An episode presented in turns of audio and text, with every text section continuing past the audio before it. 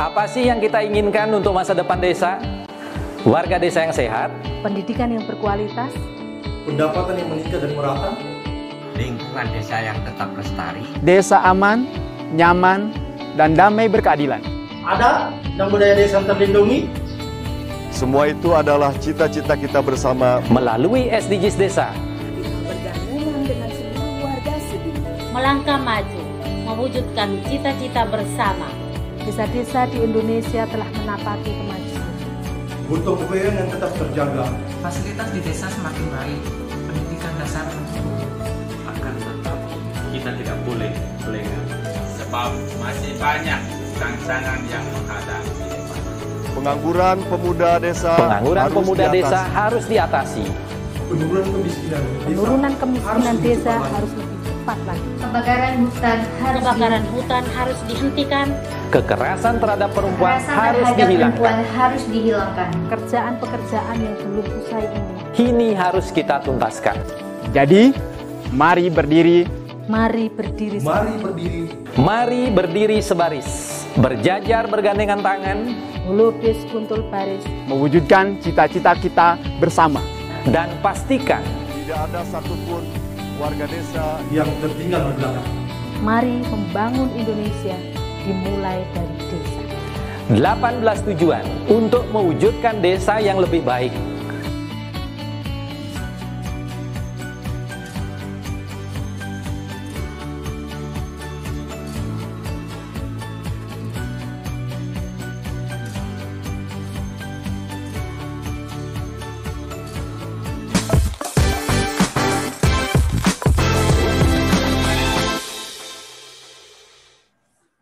Mari berdiri sebaris, lupis kontul baris, salam SDGs desa, salam bahagia kerabat desa Indonesia.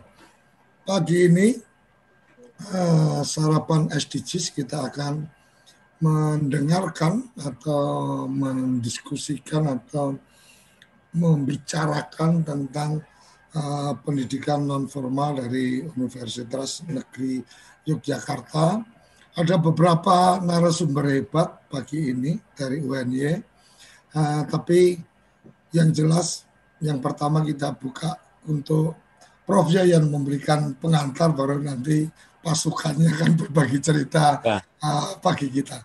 Silakan Prof Yayan. Ya, makasih. Selamat pagi. Ya, terima kasih ini, eh. Bu Ibu sekalian. Bu Puji tayangan ditayangkan yang eh, RPL-nya yang Pak Iwan ingin.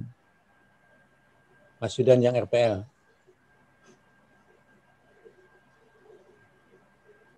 Yang slide terakhir Mas Ivan, eh Mas Yudan, Pak Puji, kau hilang.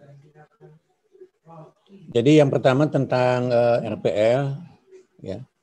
Eh, Gus Ipan, kami sudah melakukan uji coba eh, dengan Kementerian Pendidikan dan Kebudayaan. Bu Puji yang RPL ditayangkan bisa nggak? Eh, belum diizinkan host Bapak untuk share screen. Oh, mohon izin Mbak Yasmin. dikohoskan. Itu Bu Puji sudah co-host. Ya.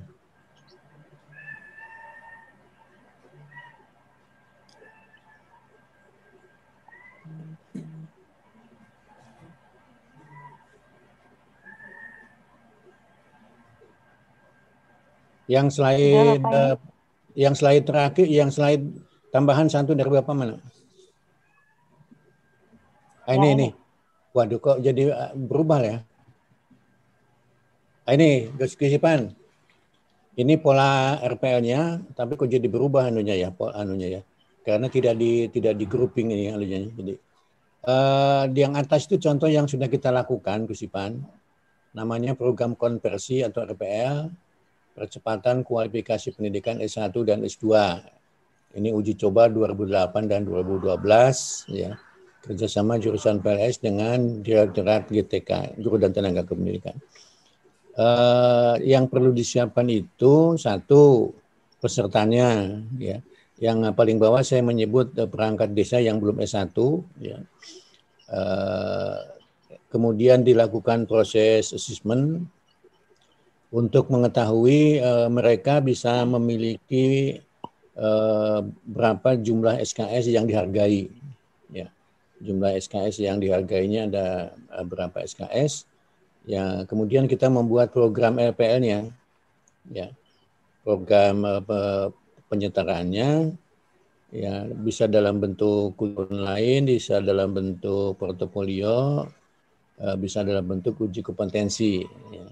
Konteks di sini yang harus disiapkan adalah kurikulum khusus S1-nya. Ya. S1 uh, kita punya uh, jurusan PLS atau jurusan pendidikan non formal konsentrasi pengembangan masyarakat. Kalau di S1, kalau di S2 eh, konsentrasi pengembangan masyarakat udah ditutup aja kemudian yang kalau di S3 pembangunan masyarakat. Jadi secara akademik dengan menyusun proses uh, penyetaraannya ya sudah diakui di perguruan tinggi. Karena kami di Jogja ya dan juga di perguruan tinggi lain uh, eh, RPL sudah diterapkan. Ya RPL sudah diterapkan ya. Uh, misalnya uh, dokter S2 S3 tidak perlu apa namanya uh, ujian kalau sudah ada jurnalnya semacam itulah tapi RPL sudah diakui jadi eh, secara sistem pengakuan percepatan ini bisa dilakukan untuk perguruan tinggi. Ya, satu ada kurikulum khususnya dan kemudian ada proses asesmennya hmm, untuk menentukan lanjutan-lanjutannya. Untuk kuliah untuk kuliah sekarang tidak ada masalah karena sudah kuliah online. Gitu, kita tidak membatasi uh, siapa lulusan SMA-nya tidak ya. Siapa saja bisa masuk ya nanti dengan proses assessment itu ya, kemudian di, ke, dihitung berapa kredit yang dicapai, kemudian sisanya kita buat satu program khusus ya, yang namanya program RPL dan lain-lain itu. Ya. Jumlah SKS-nya tentu harus memenuhi standar nasional pendidikan tinggi ya, ada 140 atau berapa. Pendek kata ini bisa dilakukan Gus Ipan. Ya, nanti kita teknisnya. Udah gitu aja Bu Puji info informasinya ya. Di, anu Bu Puji. Oke, selanjutnya ya. siapa nih ya. Prof yang akan ya. menyampaikan? Ya. Ya, uh, saya nyambung ya Prof yang kami hormati ya. Prof nah. Yoyon. Itu tayangannya di rumah itu. Bapak. Tayangannya diganti itu. Oke. Okay. Ya. Uh, yang kami hormati Gus Wincoko tadi ya Bapak-bapak yang kami hormati. Uh, mohon izin untuk share screen terkait uh, bagaimana peran mungkin lebih ke perguruan tinggi dalam uh, mensukseskan program SDGs terutama di desa. Uh, Nanti mungkin Mas Yudan dan Pak Lutfi bisa menambahkan karena beliau berdua yang uh, intens dari sejak awal bagaimana lab jurusan itu dikembangkan di Beji Harjo. Uh, nah ini berawal dari lab luar kampus PLS UNY di Gunung Kidul yang memiliki beberapa program ada pendidikan, pariwisata, budaya dan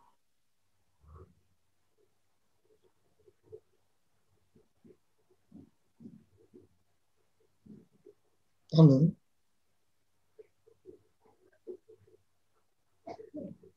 Halo, Puji.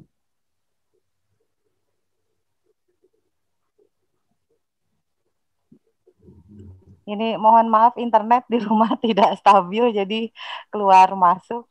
Apakah masih nyambung? Mungkin nanti Pak Lutfi bisa menambahkan ya. Ini sudah tiga kali putus. Nanti saya akan mempercepat saja sehingga nanti bisa dari Pak Lutfi uh, terkait pengembangan lab luar kampus di Beji Harjo yang uh, kalau di sini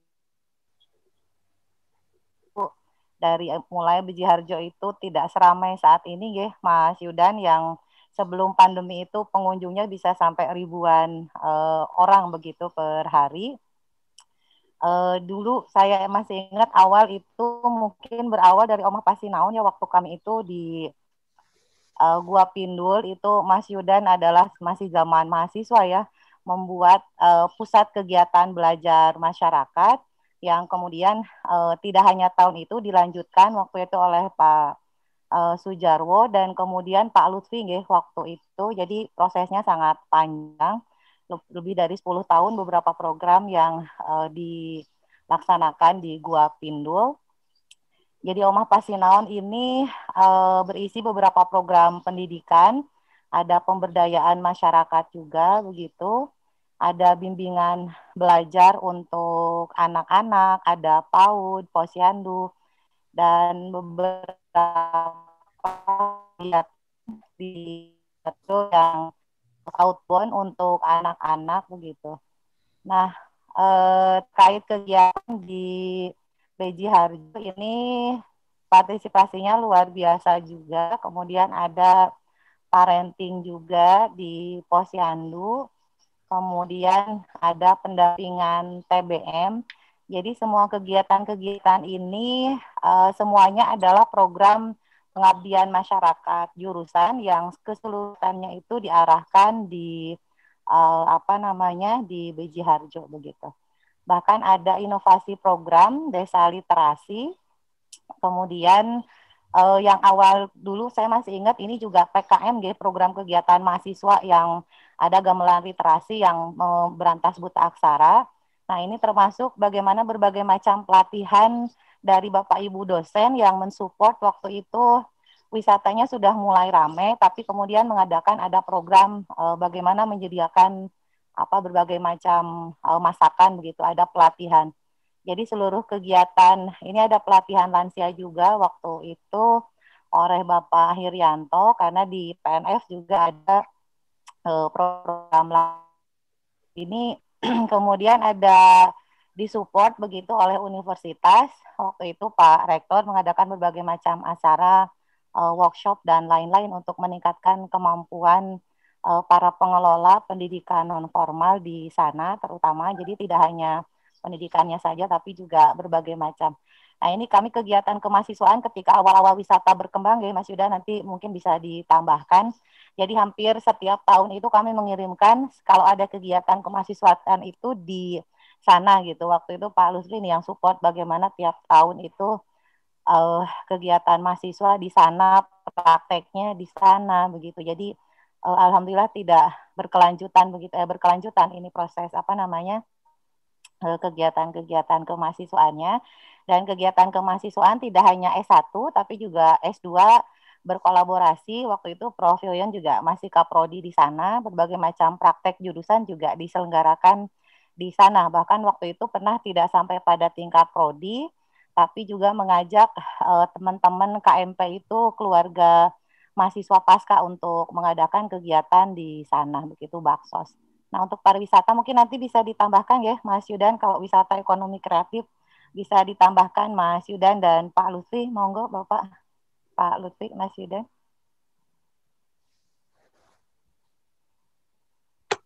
Mas Yudan, monggo terlebih dahulu. Oke, Bapak, Ibu semuanya, saya melanjutkan dari penjelasan Bu Puji. Jadi, eh, kemudian jurusan pendidikan luar sekolah yang ada di Universitas Negeri Yogyakarta eh, selalu mencoba untuk memberikan semangat baru pada pengelola wisata yang walaupun secara pribadi saya juga tinggal di daerah Gua Pindul, tapi eh, dengan begitu akhirnya kolaborasi antara wirawisata Gua Pindul ini dengan UNY semakin terjalin erat. Nah, beberapa kegiatan yang kemudian untuk meningkatkan kapasitas dari pengelola Gua Pindul ini eh, menjadi eh, program prioritas dari PLS UNY bagaimana program-program itu bisa meningkatkan kapasitas dari mereka ada pelatihan bahasa Inggris, pelatihan kepemimpinan dan lain sebagainya, yang di mana itu juga dikerjasamakan dengan berbagai pihak uh, dari dari pihak swasta maupun pemerintah uh, daerah ataupun uh, pusat. Nah, beberapa pelatihan itu kemudian menjadikan uh, pengelola Gua Bindul semakin percaya diri untuk bagaimana menjadi pemandu wisata yang baik. Nah, ini uh, beberapa contoh kegiatannya. Ini kolaborasi dengan BCA dan lain sebagainya dahulunya Gua Pindul itu awal mula uh, dengan bermodalkan kandang sapi sebagai tempat sekretariat pendaftaran dengan beberapa pemuda yang ada di sini. Sekarang wirawisata sudah berubah menjadi sebuah uh, tempat yang di mana uh, memanjakan pengunjung untuk datang lagi ke Gua Pindul. Ini beberapa proses pengembangannya didampingi uh, melalui program-program uh, pengembangan dari UNY, ada dari KKN, ada dari praktek jurusan, ada juga dari uh, penelitian dan PPM dari dosen UNY seperti itu. Next, Bu. Nah, seperti itu. Jadi yang kita kerjasamakan adalah bagaimana peningkatan kapasitas dari SDM-nya uh, sebagai pemandu wisata yang awal mula itu tidak mempunyai background keilmuan tentang bagaimana memandu wisata, tapi kita uh, bekerja sama dengan pihak-pihak terkait untuk bagaimana menjadikan uh, khususnya pengelola Gua Pindul ini menjadi pengelola yang siap untuk menjadi pemandu yang baik. Ini foto-foto Karang Taruna kebetulan uh, background kami yang ada di Gua Pindul adalah pemuda-pemuda khususnya wirawisata. Dan ini kemudian kemarin belum lama ini pas corona itu Bapak Menteri uh, dengan Ibu dan rombongan itu uh, mensupport kami sebenarnya untuk bagaimana bisa menjadikan Gua Pindul itu nyaman untuk dikunjungi lagi di masa COVID ini. Nah, itu membangkitkan semangat para pengelola Gua Pindul karena kedatangan Menteri Desa langsung yang diajak ke depan Gua Pindul langsung untuk acaranya dan langsung menikmati menyusuri Gua Pindul. Tapi ternyata COVID belum usai sehingga uh, perjuangan teman-teman Gua Pindul itu masih uh, membutuhkan perjuangan yang sangat keras dan ini pendampingan UNJ nantinya akan uh, mencoba mengarahkan pengelola Gua Pindul untuk siap menghadapi uh, era baru ini eh, bagaimana menjadi pengelola yang baik di zaman COVID seperti ini. Seperti itu.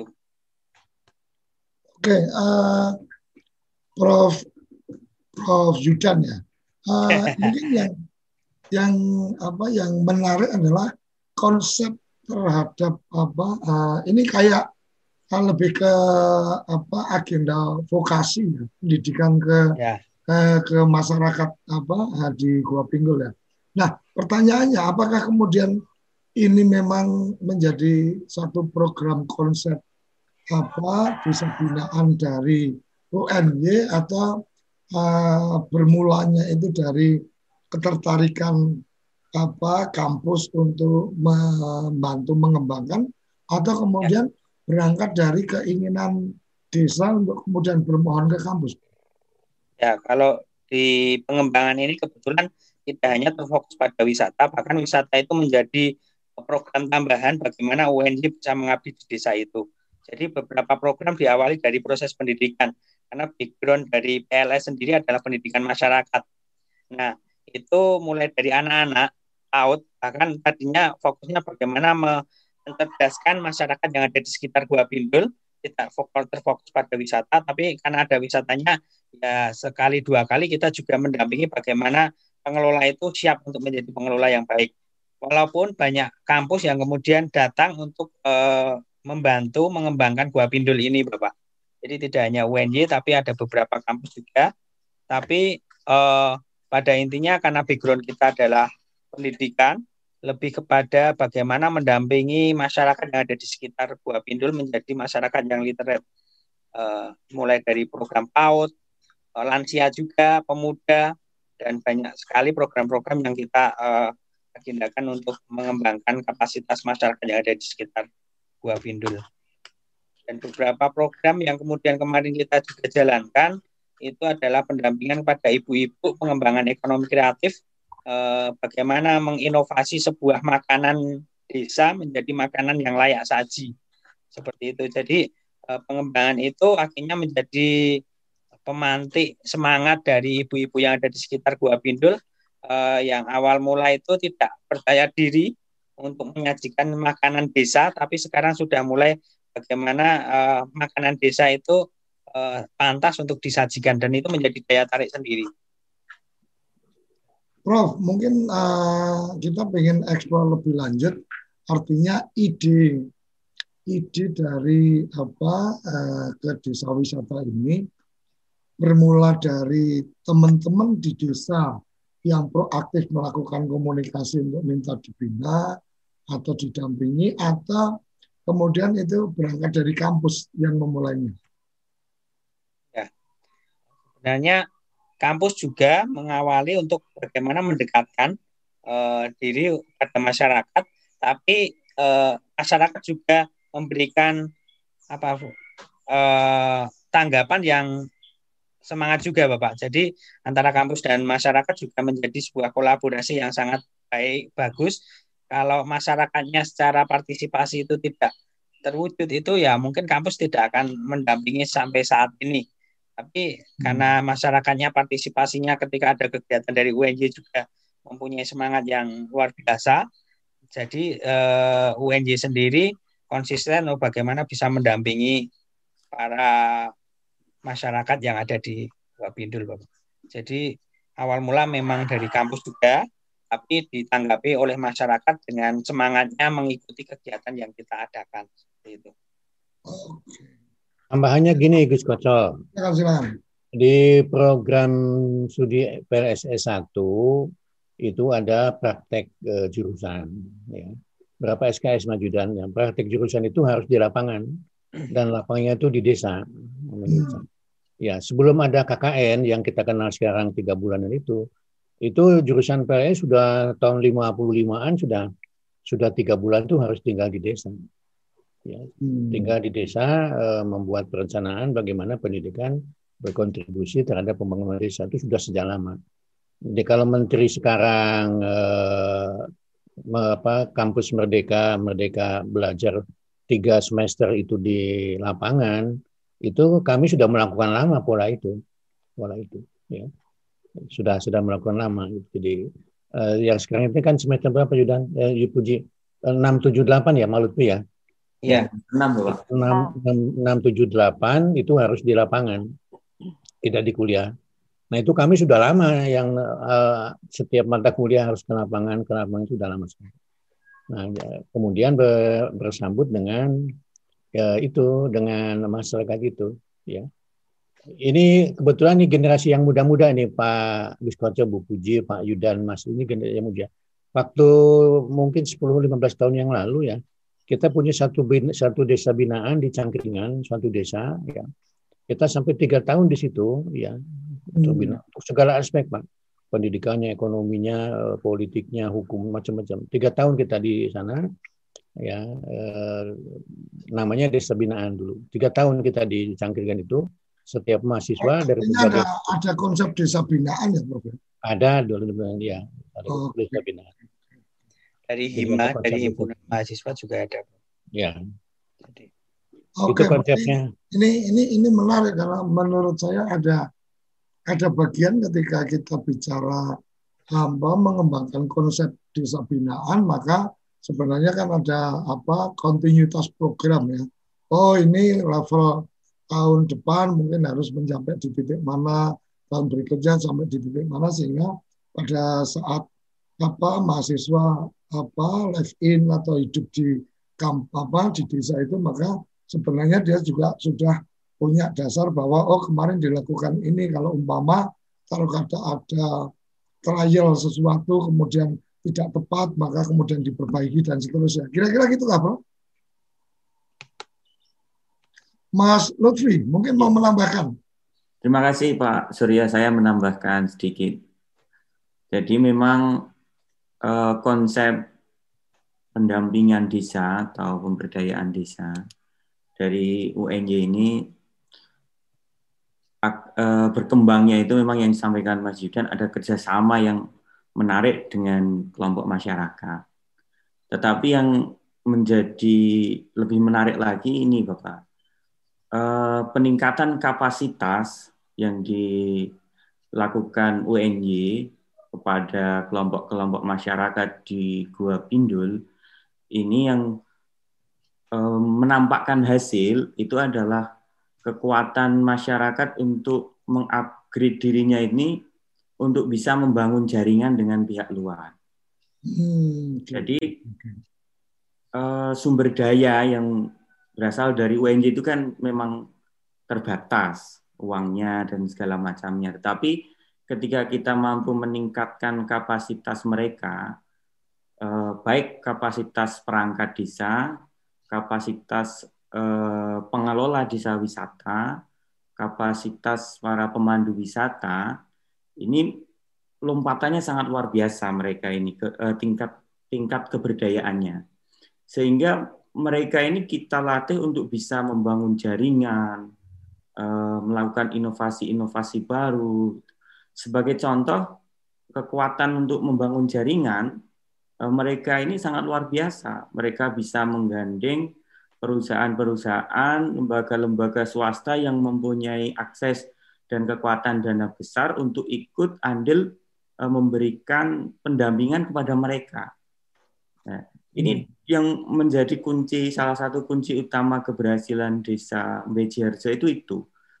Mas Yudan dan tim yang berada di kampung di lokal itu menjadi satu bagian tim yang kuat sehingga mereka mampu mendapatkan akses pembiayaan dari berbagai sumber. Artinya, ya. artinya tantangan terbesarnya sebenarnya adalah bagaimana membuat uh, teman-teman tokoh lokal desa itu atau apa lokal leadernya itu kemudian pikirannya terbuka. Betul. Pikirannya terbuka, kemudian apa siap untuk apa meng, um, uh, kemudian ditingkatkan kapasitasnya untuk bisa uh, menjalin komunikasi dan kolaborasi dengan para pihak. Kira-kira kayak gitu, Mas. Betul, iya. Oke. Okay. Contoh nanti Mas Yudan bisa uh, menjelaskan jaringan-jaringan yang sudah terbangun di BC Harjo seperti BCA, Pertamina, bahkan dari Kementerian Pariwisata, dananya yang sudah mengalir untuk pemberdayaan sangat luar biasa. Itu tidak akan terwujud ketika tokoh-tokoh lokal itu kapasitasnya itu tidak kita naikkan, hmm, tidak kita hmm. upgrade. Gitu.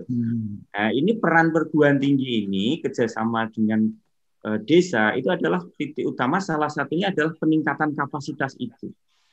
Nah, sehingga artinya menginjeksi ya, mereka bahwa uh, mereka harus terbuka, mereka harus meningkatkan kapasitasnya dan kemudian ya. apa berani untuk melakukan kerjasama dengan para pihak. Kira-kira kayak gitu ya. Itu yang pertama. Yang hmm. kedua, yang paling penting lagi adalah ini, Pak. Eh, kaderisasi. Oh, iya. Eh, kaderisasi. Jadi kaderisasi itu harus kita mulai untuk menumbuhkan kesadaran dari generasi berikutnya. Generasi hmm. berikutnya itu ya dari anak usia dini dan orang-orang muda yang ada di sana. Jadi itu biar tidak terputus. Nah, jadi ada yang meneruskan untuk kesinambungan keberlanjutan jangka panjang.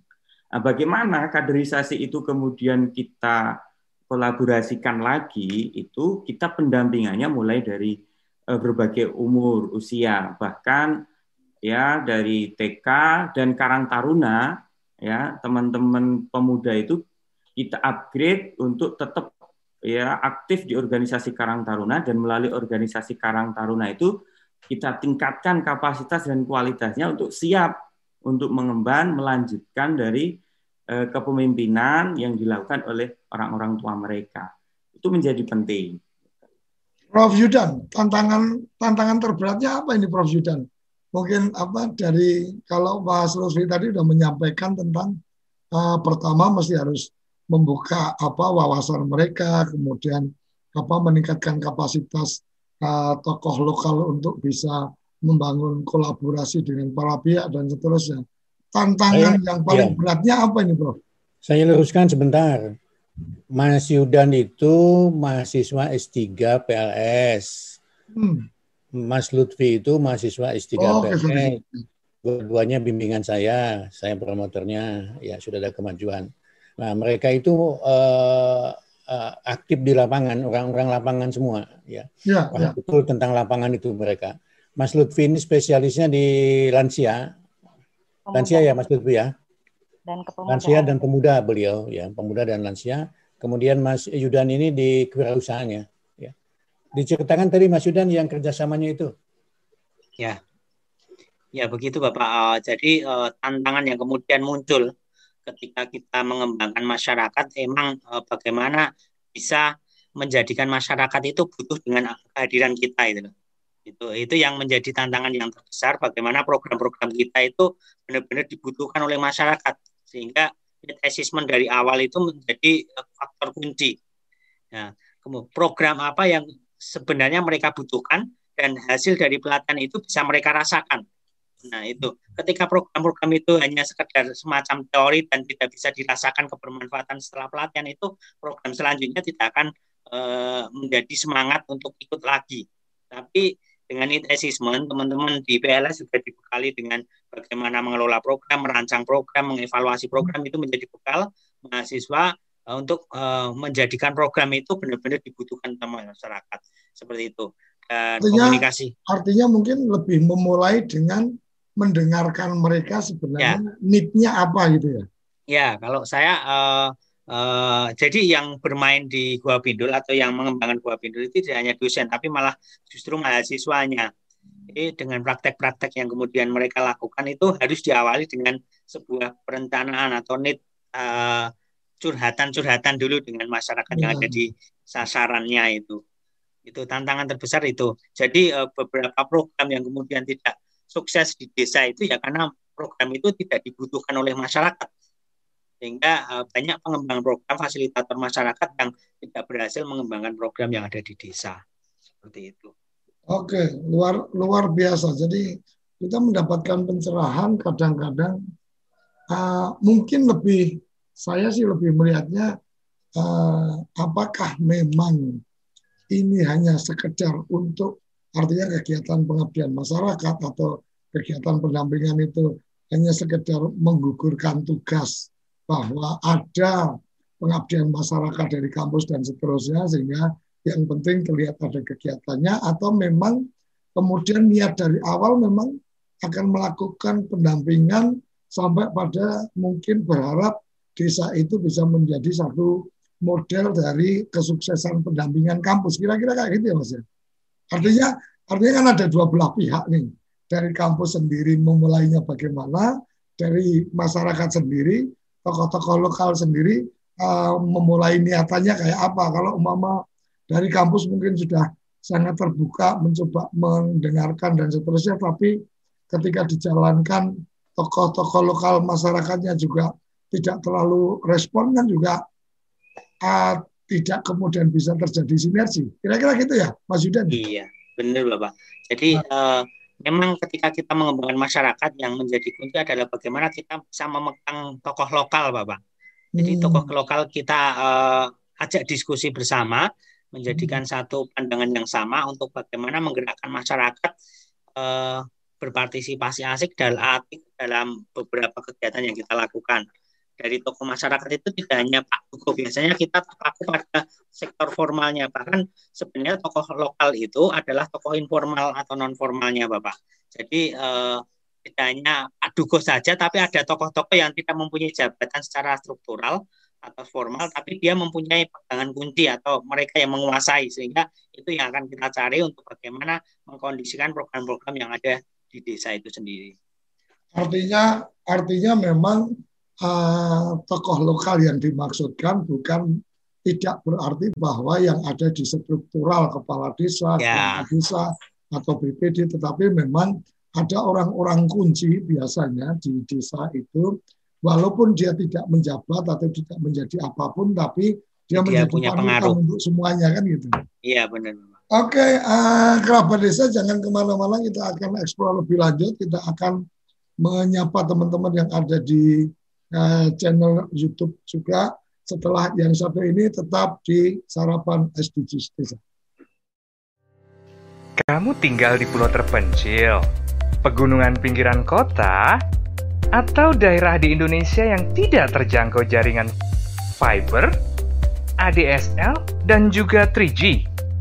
Internetan dengan cepat pasti cuma akan menjadi mimpi. Mau pakai tol langit, pakai Desa WiFi, kunjungi www.desawifi.id. Apa sih yang kita inginkan untuk masa depan desa? Warga desa yang sehat, pendidikan yang berkualitas, pendapatan yang meningkat dan merata, lingkungan desa yang tetap lestari, desa aman, nyaman, dan damai berkeadilan. Ada dan budaya desa terlindungi, semua itu adalah cita-cita kita bersama melalui SDGs Desa. Satu, desa tanpa kemiskinan. Dua, desa tanpa kelaparan. Tiga, Desa sehat sejahtera. Empat, pendidikan desa berkualitas. 5. Keterlibatan perempuan desa. Desa layak air bersih dan sanitasi. 7. Desa berenergi bersih dan terbarukan. delapan, pertumbuhan ekonomi desa merata. Sembilan, Infrastruktur dan inovasi desa sesuai kebutuhan. 10. Desa tanpa kesenjangan. 11. Kawasan permukiman desa aman dan nyaman. 12. Konsumsi dan produksi desa sadar lingkungan. 13. Desa tanggap perubahan iklim. empat belas, desa peduli lingkungan laut. 15. Desa peduli 17. Kemitraan untuk membangun desa. 18. Kelembagaan, desa dinamis, dan budaya, desa adaptif.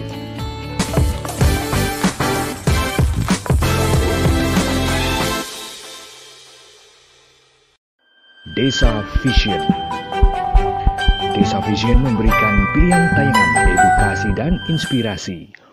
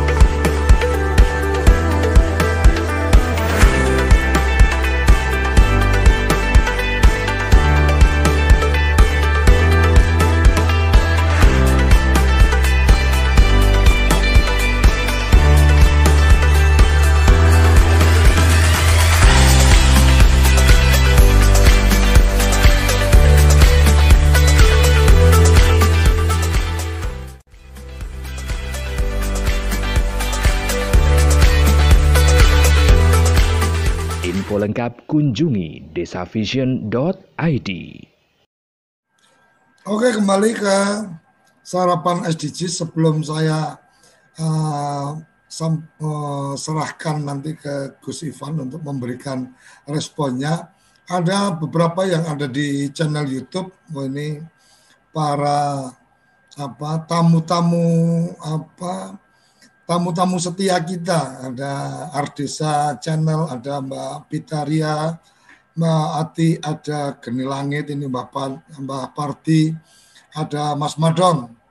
Uh, salam bahagia kerabat desa Indonesia untuk membumikan SDGs desa. Di, uh, kami di Buleleng punya forum sekolah desa. Oh, ini mungkin perlu satu waktu kita undang apa ketua forumnya di for, apa di apa di acara kita ada Mas Yatno. Uh, terima kasih sudah selalu mengikuti uh, sarapan SDGs desa.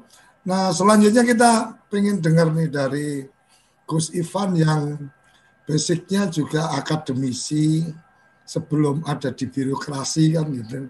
Jadi kemudian paham betul nih sebenarnya kadang-kadang KKN pun seperti yang saya sempat ikuti karena kebetulan saya juga sempat kuliah jadi KKN pun kadang-kadang uh, teman-teman itu juga ya sekedar yang penting apa ngikuti berapa bulan di apa di desa berkegiatan ya tergantung koordinatornya bikin acara ya kita datang dan seterusnya. Jadi ini apa mungkin ada pola-pola pola-pola yang menarik tadi yang disampaikan Mas Yudan dan juga Mas Lutfi bahwa uh, kedua belah pihak ini, yang datang atau yang didatangi, ini memang harus sama-sama terbuka, sama-sama apa punya semangat untuk ayo bagaimana uh, melakukan sesuatu untuk desa dan mungkin semangat apa uh, pendampingan desa oleh kampus-kampus ini juga ada kalanya juga perlu dikompetisikan ini. Artinya kampus yang paling apa paling hebat menurut warga desa mendampingi itu kampus mana itu menarik juga ini. Silakan Prof Ivan apa uh, Gus Ivan. Iya saya ini terima kasih nih Gus Koco kerabat desa sekalian. Terus terang ini salam salut ini untuk UNJ ini yang sudah melakukan hal Halo.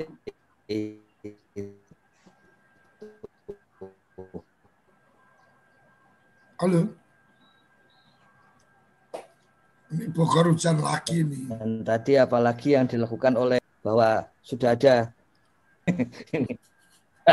karena Gus Prof Yoyon uh, menyampaikan sudah ada rencana eh, rekognisi pembelajaran lampau. Ya. Saya kira uh, beda dengan apa namanya yang masih dalam rencana. Kalau ini kan betul-betul uh, sudah dijalankan gitu. Nah, saya ingin sampaikan begini, uh, kerabat desa sekalian. Bagi, mengapa sampai Gus Menteri itu memiliki ide desa masuk kampus? Artinya desa belajar ke kampus dan sampai kenapa sampai harus sampai ke sarjana atau pasca sarjana. Jadi idenya adalah dulu orang sering mengkritik ya. Bagaimana mau membangun desa? Wong desa itu sangat kompleks sementara kepala desanya lulusan SMP pun boleh gitu. Harusnya lulusan sarjana gitu ya. Nah, sekarang kalau setelah ada ide Gus Menteri supaya kepala desa pun akhirnya mendapatkan rekognisi menjadi sarjana, kritik yang muncul adalah Mengapa harus sarjana? Yang penting kan dia bisa menjalankan desanya kan nggak harus sarjana. Jadi kritik itu dibalik di di minggu-minggu ini ketimbang yang tahun-tahun lampau itu. Tapi idenya sebetulnya begini, bahwa kalau istilah Gus Menteri itu kepala desa pun punya keahlian dan itu sudah terbukti, sudah teruji. Yang kedua, ketika orang bersekolah sampai perguruan tinggi pun itu pada akhirnya harus berkarya di masyarakat. Nah, ketika berkarya di masyarakat itulah uh, klop dengan kepala desa yang sudah memiliki prestasi gitu. Jadi kalau istilah teknisnya kepala desa memiliki tacit knowledge berdasarkan pengalaman itu yang kalau seandainya itu punya metode ilmiah untuk dikeluarkan menjadi explicit knowledge maka mungkin setara dengan sarjana gitu.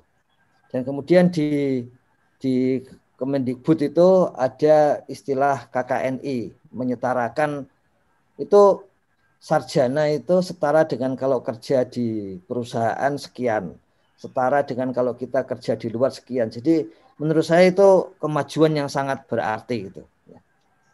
Seperti disampaikan oleh Gus Prof Yoyon, lazimnya perguruan tinggi yang kreatif memang sudah menjalankan lebih dulu.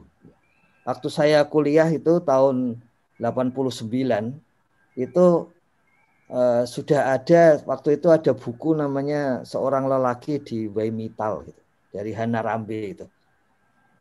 Itu sering disebut orang jadi saya baca gitu. Dan isinya adalah ada orang yang kuliah di IPB waktu itu. Kemudian dia KKN, tapi KKN-nya keterlanjuran sampai 15 tahun gitu. Dan kemudian IPB memberikan gelar sarjana. Jadi jauh sebelum ada RPL itu sudah dilakukan seperti itu.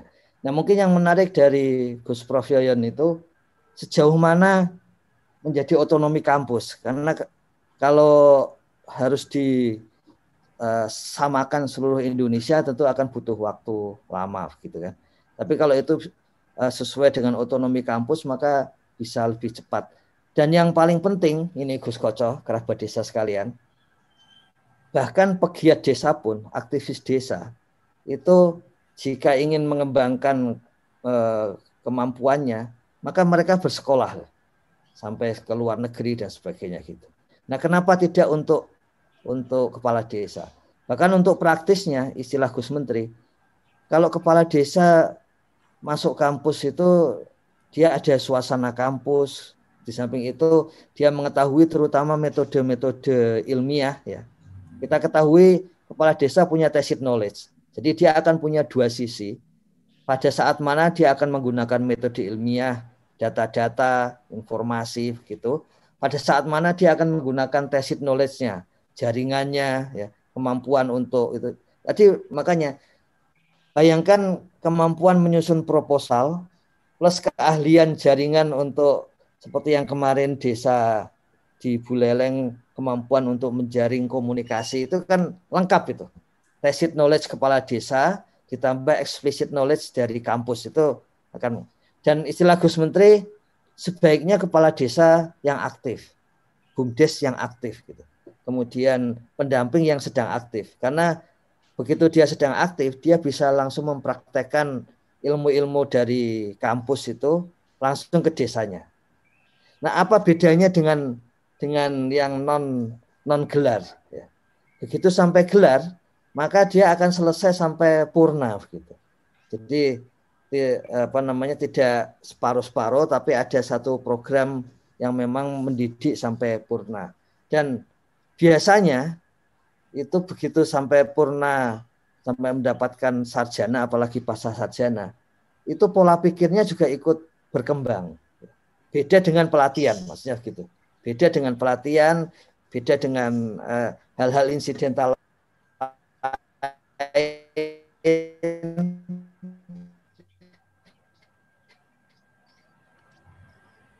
Halo.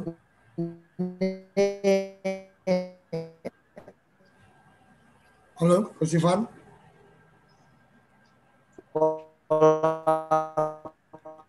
Halo, Gus.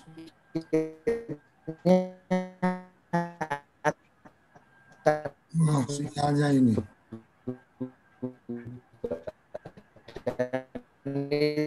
Itu pola pikir yang uh, Halo, ya, sudah ya, masuk. Halo, halo. Ya, sudah masuk ya? Ya, ya. Mengubah sinyal dulu. Ayah. Ya, ya, masuk semua ya. JJ, ada. Silakan Gus. Ya, jadi ya, jadi uh, memadukan antara uh, pengetahuan yang dilakukan yang sudah dimiliki oleh desa dengan dengan kampus tadi. Nah, saya sampaikan begini, Gus Koco. Jadi uh, tadi Gus Prof sudah menyampaikan hal yang sangat bagus dan saya kira harus segera ditindaklanjuti ya. Jadi idenya memang kita nanti dari sisi dari sisi Kementerian Desa itu akan akan aktif untuk konsultasi antara dari desa dengan dari perguruan tinggi. Ya. Bahkan dibentuk Akademi Desa 4.0 yang akan punya tugas untuk mencek portofolio sehingga memudahkan bagi desa untuk masuk ke kampus gitu. Nah, kemudian ini yang sudah kita rumuskan awal tentu saja ini bisa dikembangkan. Kalau misalnya aspeknya pembangunan desa, apa saja yang bisa digunakan oleh desa untuk masuk ke masuk ke kampus itu. Misalnya apakah SK, kemudian prestasi, kemudian apa peranannya, dan itu bisa dituliskan gitu. Untuk administrasi desa yang sudah dilakukan, bagaimana buku administrasi itu dijalankan, tidak ada kesalahan. Kalau misalnya sudah ada dari inspektorat mencek ternyata sudah benar, itu prestasi-prestasi seperti itu. Kemudian untuk perencanaan pembangunan ini kan sudah dilakukan. Nah, jadi bagaimana perencanaan pembangunan itu berbasis data dan kemudian eh, kebutuhan, kemudian punya efek manfaat dari masyarakat yang ada bukti-buktinya seperti itu. Pemberdayaan masyarakat, bagaimana di situ nanti dari daftar absen kelihatan siapa yang paling banyak, apakah banyak perempuan dan sebagainya atau kelompok marginal miskin dan hasil-hasilnya juga eh, keputusan-keputusan dari Musdes ada hasil-hasil untuk golongan perempuan miskin dan golongan marginal. kepemimpinan sudah jelas ini. Tadi disampaikan juga bagaimana kepemimpinan yang sudah berjalan di masyarakat itu bisa dicek. Keuangan desa juga demikian ya.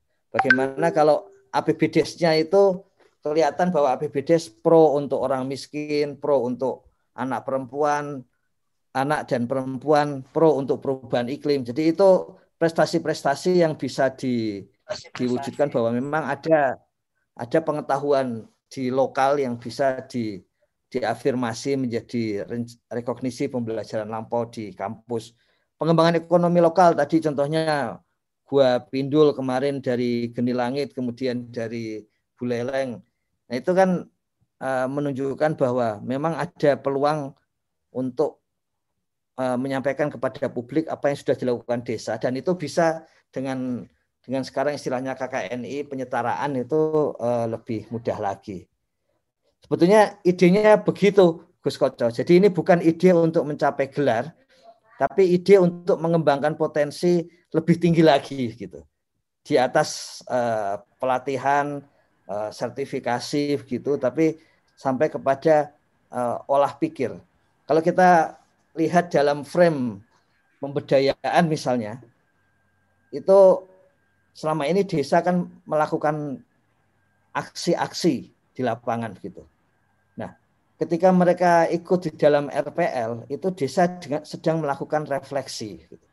dan refleksi itu mengabstraksi kemudian itu dibimbing oleh kampus dengan dengan abstraksi yang sudah cocok gitu ya. Kalau kampus abstraksinya kan ilmu pengetahuan. Kalau di desa kan praksisnya kan praktek. Nah begitu itu klop maka peluang untuk nanti setelah lulus berkembang lebih jauh itu akan lebih tinggi gitu.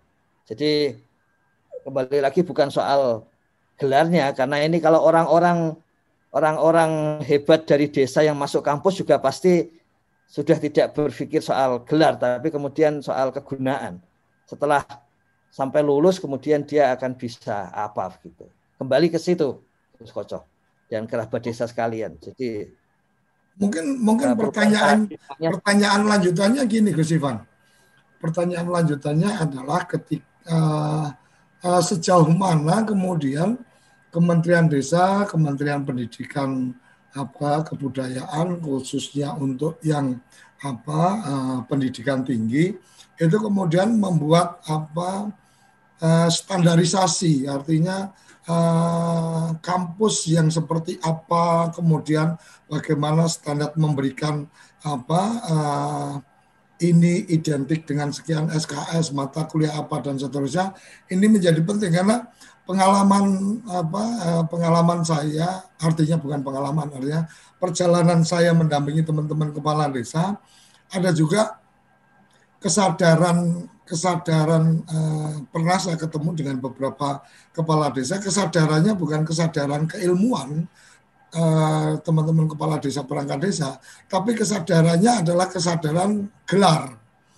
Jadi uh, sempat saya hmm. apa ketemu dengan salah satu kepala desa dalam waktu tiga tahun apa uh, selesai apa kita apa ke, ketemu uh, dalam waktu tiga tahun setelah itu dia sudah punya tiga gelar kesarjanaan sarjana ekonomi dia iya, sarjana hukum dia iya, sarjana ilmu pemerintahan dia juga iya. Jadi di nama belakang dia itu ada gelar tiga sarjana itu. Nah ketika saya hmm. tanya gimana ceritanya kamu punya SE, SH sama SIP, ya ya dia cukup memberikan jawaban dengan tertawa ngakak pun saya sudah paham bahwa oh ini urusannya urusan apa gelar bukan urusan keilmuan karena ketika bicara keilmuan dan seterusnya mendiskusikan tentang apa kasus apa permasalahan hukum perundangan dan seterusnya saya menangkap apa esensi keilmuannya masih belum dapat karena beberapa hal yang dasar pun tidak dikuasai. Ini mungkin jadi tantangan terbesar dari kampus dan juga pemerintah kira-kira Prof Yayan dan Gus ya, ya. Sebetulnya begini kalau dari yes, sudut saya kira memang ya, silakan Prof. Ya, kalau dari sudut perguruan tinggi kan slotnya kan ada tiga. Hmm. Satu yang namanya pendidikan akademik, S1, S2, S3. Kedua pendidikan vokasional, D1, D2, D3, D4. Dan kemudian pendidikan profesi. Uh, memang kalau dibawa ke ranah akademik, saya kira uh, yang dimaksud Gus Ipan tadi itu nggak ketemu karena di level praksis tadi itu, ya. Maka yang paling ketemunya adalah jalur pendidikan vokasional. Ya. Hmm. Disetarakan dengan S1, S2, S3, eh D1, D2, D3, D4 atau sarjana gitu. Cuman di sini kendalanya kadang-kadang kan nama gelarnya kan beda gitu loh hmm. AMD sama SH, SE itu kan kurang anu ya, hmm. kurang. Padahal dari sudut keterampilan yang dibutuhkan sebetulnya eh, di jalur yang cocok itu ya diploma 1, 2, 3, 4 ya. Sampai dengan sarjana terapan tadi itu, itu sangat cocok gitu loh. Atau jalur yang ketiga pendidikan profesi gitu. Yang saya tawarkan ke Kementerian eh, Desa sudah diskusi berkali-kali itu Eh, pendamping desa itu harus menjadi jabatan profesional ya. Maka harus mendapat pendidikan profesi. Pendidikan profesinya dengan RPL ya dengan RPL tadi itu. Bukan dengan kuliah. Kalau dengan kuliah lama dengan RPL ya. Jadi kalau pendamping masyarakat bisa menggunakan jalur pendidikan profesi yang betul-betul kompetensi base-nya itu base kompetensi base itu ya.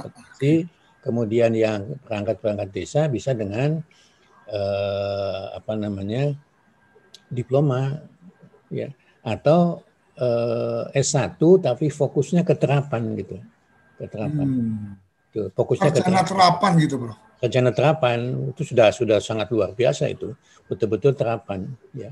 Sehingga tadi yang dirancang Gus Ipan itu mata kuliah-mata kuliah itu eh, tidak lagi nuansa akademis tapi nuansa terapan Okay. Katakanlah terapannya itu 70 persen, akademisnya 30 persen, itu sudah sangat bagus sekali. Dan tadi kalau melihat eh, eh, mata-mata kuliah yang bisa dimunculkan itu, itu di S2 PLS itu hampir 90 persen sama itu materinya dengan yang Gus Ipan rancang itu. Ada management program, ada uh, apa pembangunan desa, macam-macam lah hampir sama itu. Jadi artinya apa? Artinya ini bisa dilakukan, dilakukan. Ya bisa dilakukan, tinggal nanti uji cobanya dengan beberapa perguruan tinggi di kabupaten atau di provinsi yang akses tadi pesertanya itu yang desanya maju, bumdesnya maju dan motivasinya tinggi lah bisa itu. Itu kalau dari perguruan tinggi jawabannya akan akan begitu. Karena hanya ada jalur akademik, jalur profesi dan jalur vokasional. Yang Gus Ipan tadi kan sebetulnya kan bahasa perguruan ini kan uh, vokasional sebetulnya gitu. Yang bisa menjadi sarjana terapan tadi. Bagus sekali nih gagasan Pak Menteri ini ya. Cuman ya tadi uh, di satu sisi uh, kita memunculkan sarjana, loh kok harus sarjana gitu loh kan jadi kadang-kadang rapat juga gitu loh. Counter anunya opininya itu. Padahal sebetulnya dengan ya salah kita sendiri juga ya kalau kemudian gelar sarjana masih menjadi sesuatu yang bernilai itu secara budaya dan sosial, ya memang masyarakat kita juga begitu. Ya. Gus Koco kalau bisa memperjuangkan saya, Kanjeng Randen Tumenggung kan saya senang sekali itu. uh, kan ini saya, saya, saya takutnya apa uh, ke, kejadian seperti yang kemarin sempat apa sempat beredar di apa di media itu tentang bagaimana op, obral gelar dokter honoris causa kan gitu. Artinya jangan sampai kemudian ketika keinginan kita atau keinginan uh, peningkatan kualitas dari apa uh, pemimpin lokal desa atau aparatur desa ini kemudian kita tidak hati-hati menjaga malah menjadi media untuk kemudian sekedar yang penting dapat gelarnya bahwa apa uh, uh, uh, uh, ada standar-standar yang mungkin memang harus sangat apa sangat rigid atau mungkin seperti yang tadi Prof. Yayan sampaikan ini menarik. Ada tiga apa tiga pendidikan akademis, vokasi dan profesi. Nah mungkin ini bagian yang perlu dicermati di sebelah mana kita harus memberikan penguatan. Mungkin kira-kira seperti itu karena waktu sudah di penghujung. Silakan Gus Ivan closing statementnya.